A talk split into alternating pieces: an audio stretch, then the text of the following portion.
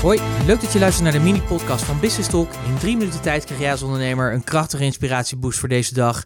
En de boost die ik je vandaag wil meegeven is: selectie is een vak. Je kent de uitdrukking vast wel: de juiste persoon op de juiste plek, op de juiste tijd wordt er nog vaak bij gezegd. Maar als je al wat ervaren ondernemer bent en je hebt inmiddels een team opgebouwd of je hebt een aantal mensen in dienst, dan weet je inmiddels dat het vaak niet altijd zo simpel is.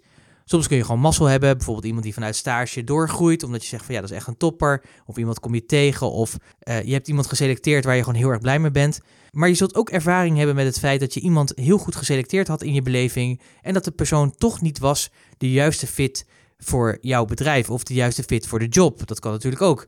En vandaag de dag is dat toch wel een beetje lastig, want we merken natuurlijk ook door de economische groei dat de schaarste van juist personeel of eigenlijk goed personeel steeds moeilijker wordt. En daarmee betekent het ook dat we door de hogere druk die we hebben, omdat we toch wel aan de klantbehoeften willen voldoen, is dat we grotere risico's nemen om mensen aan te nemen die niet de juiste fit zijn.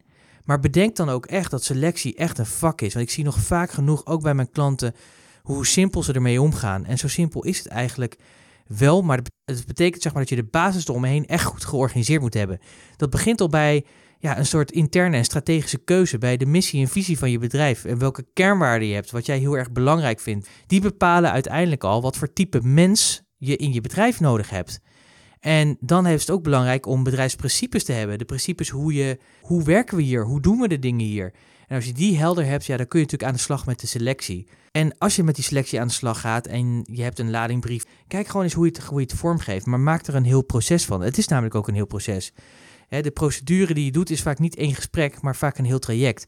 En ik zou je ook echt willen adviseren, kies ook zeg maar, om de gesprekken met de persoon op verschillende plekken te doen in verschillende omgevingen. Want mensen gedragen zich gewoon anders in een andere omgeving. En voeg, ook een opdracht toe. Dat kun je al bij de selectie doen door te vragen of ze een videootje willen maken. Of door gewoon letterlijk een opdracht mee te geven om gewoon te kijken hoe iemand werkt. En als je dan denkt van yes, dit is het, maak dan een tijdelijk contract of een oplossing in die geest. Daar zijn veel meerdere oplossingen voor, zodat je echt kan kijken van heb ik de juiste fit te pakken voor mijn bedrijf? Is dit de juiste persoon op de juiste plek op de juiste tijd? Als je op die manier en als je er meer tijd in besteedt, dan zul je merken dat je er ook veel meer plezier van krijgt.